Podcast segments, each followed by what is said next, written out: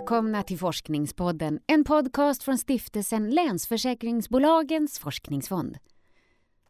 Klimatförändringen slår brett emot samhället. Om vi väljer ut målgruppen bostadsägare, hur ser de på klimatriskerna och möjligheterna att öka skyddet för bostaden via försäkringslösningar? För att få svar på frågan har Länsförsäkringsbolagens forskningsfond tilldelat forskningsmedel till forskare vid Mittuniversitetet och Karlstads universitet som sedan starten 2015 genomfört två tredjedelar av forskningsprogrammet. Vi får här lyssna till ett samtal mellan forskaren Anna Olofsson, professor i sociologi vid Mittuniversitetet, och Ulf Häggroth, inköpsansvarig och miljösamordnare vid Länsförsäkringar Jämtland. Varsågoda, Ulf och Anna.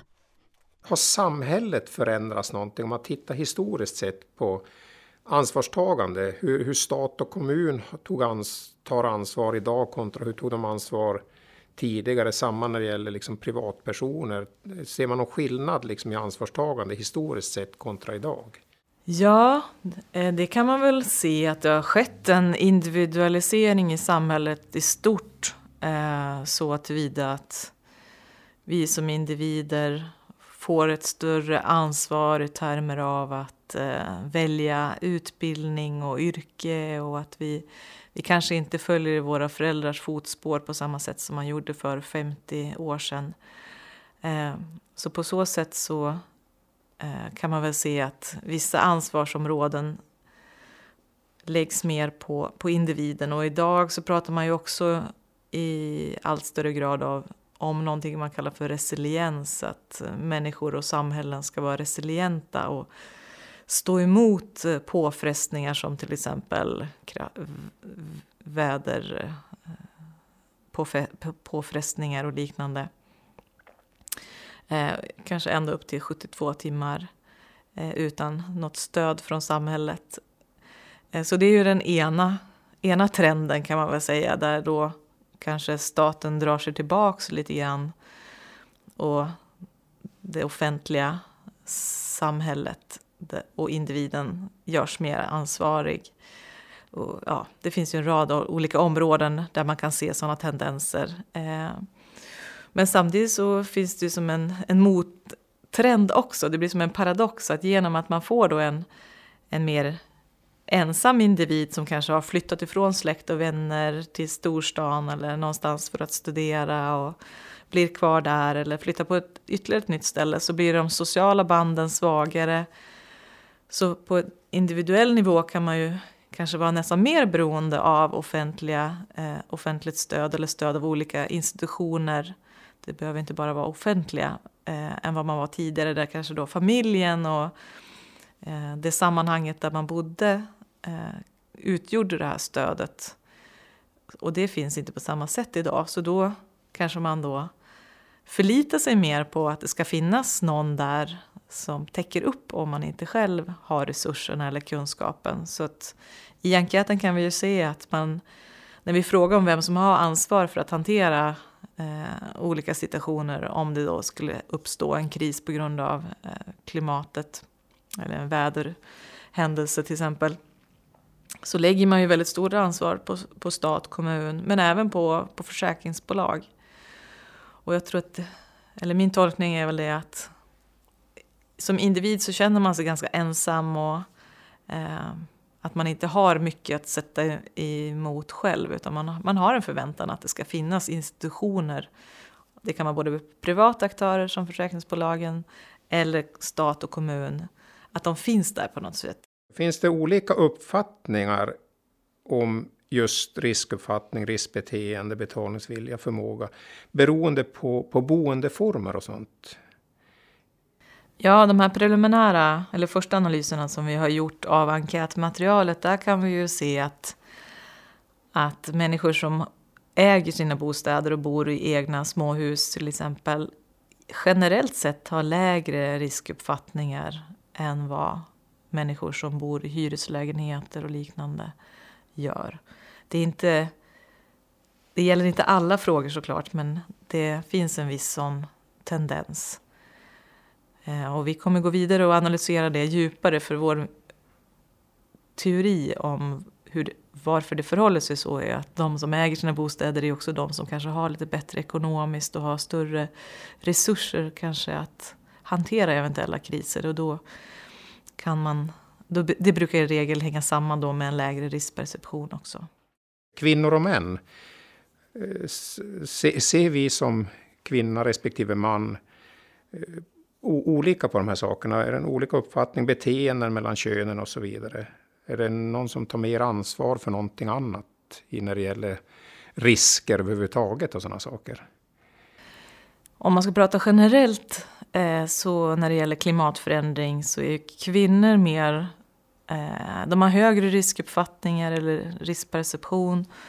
Eh, de oroar sig mer för klimatförändring och andra miljöfrågor. De gör fler saker generellt om man pratar om kanske sopsortering och att man åker kollektivt, att man kanske har valt bort kött och andra sådana mer generella frågor.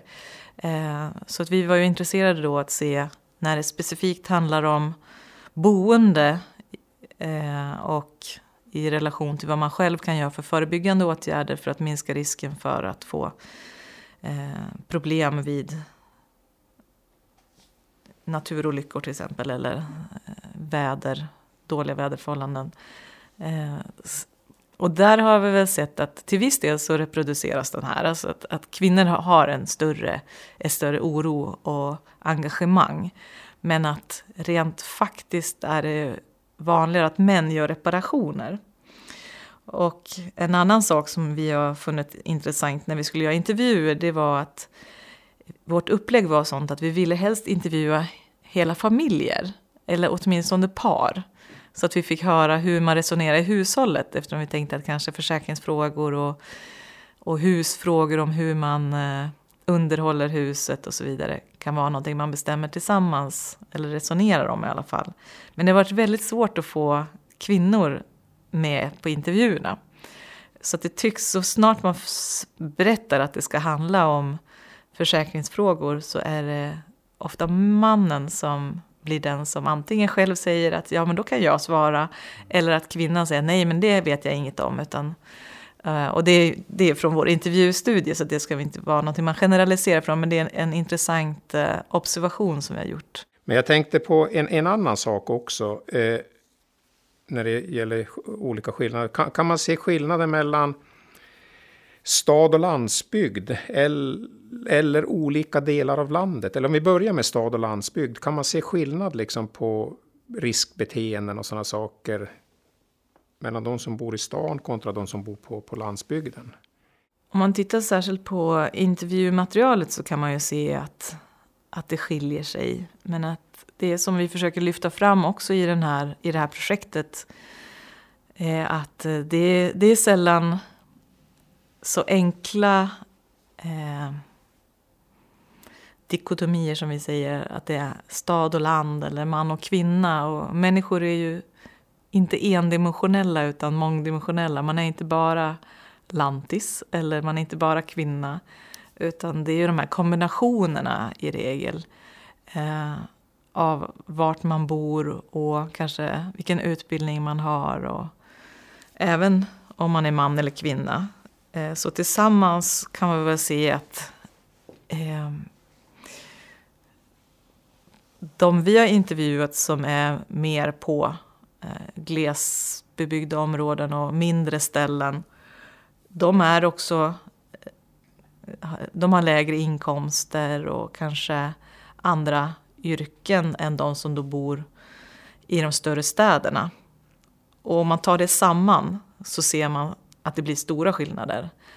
Eh, att man kanske då på landet med en mer traditionell arbetarbakgrund, där ser man det mer en ära i att ta hand om sitt hus och huset representerar kanske en stor del av en Ja, man är stolt över det och att man, man gör allt man kan för att underhålla det så att det inte ska hända något. Och man kanske också sätter en ära i att inte nyttja sin försäkring fastän man har det. Eh, och att det, det är som en, del, en viktig del av att vara en, en redig person. Medan i, i de större städerna kanske man har då en högre utbildning, man har en högre inkomst eh, och i kombination då kan vi se att man kanske är mer då benägen att eh, teckna försäkringar. Man har många försäkringar, man, man ser inte pris som något problem.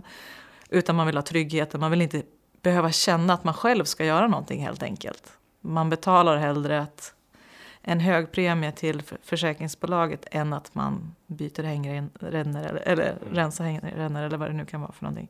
Så att det kan vi se ganska stor skillnad.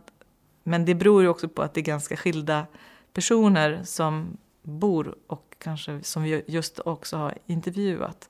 Så det intressanta får ju bli sen då att se om det här eh, går att, om det blir samma resultat när vi analyserar enkäten mer i, i grunden. För då kan man isolera effekten av om det handlar om att man bor på landsbygden eller om det beror på att man kanske också har en annan klassbakgrund eller utbildningsnivå.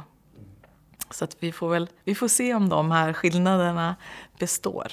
Om de, ja, det är intressant, intressant att se. Och det, det som du säger, det ena, det, det bygger både liksom på kunskap, intresse, eh, ekonomiska möjligheter liksom till, till att kunna köpa sig fri liksom från, från skador och så vidare. Och eh, som jag sa, även intresset verkar liksom komma in där också. Jag kanske är intresserad av att hålla på och bygga. Och det är klart, med intresse måste man också ha kunskap för att kunna genomföra det på något sätt. Och det, beroende på vilken bakgrund man har så har man väl olika typer av kunskap också. Huruvida man är liksom praktiskt lagd eller om man är liksom mera teoretiskt lagd. Du, du nämnde bland annat när ni, när ni hade de här intervjuerna så ville ni gärna intervjua hela familjen. Och, och om inte annat så två stycken, alltså de äldre i familjen. Eh, men eh, kan ni se någon skillnad i riskuppfattningar och riskbeteenden beroende på familjeform och sådana saker också? Alltså hur familjen ser ut? Ja, eh, vi har inte gjort de analyserna i det här materialet än, men sen tidigare så vi har bland annat en doktorand i projektet som studerar betydelsen av att vara förälder och att ha barn och i vilken utsträckning man oroar sig, eh, Sara Ekholm. Och där kan hon ju visa ganska tydligt att att bli förälder ökar oron för den här typen av risker som handlar om klimat till exempel. Och det är ganska intressant för att lite grann beroende på hur man ställer frågan så får man olika svar. Det skiljer inte hur man skattar risken för att klimatförändringen kommer påverka en. Då har inte barn i hushållet någon betydelse.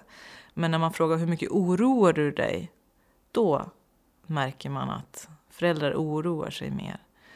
Så att, att ha barn tycks definitivt eh, ha betydelse. Hur bedömer du att, eh, om man säger branschen, om man nu tar Länsförsäkringar konkret, hur vi kan dra nytta av den här forskningen framöver?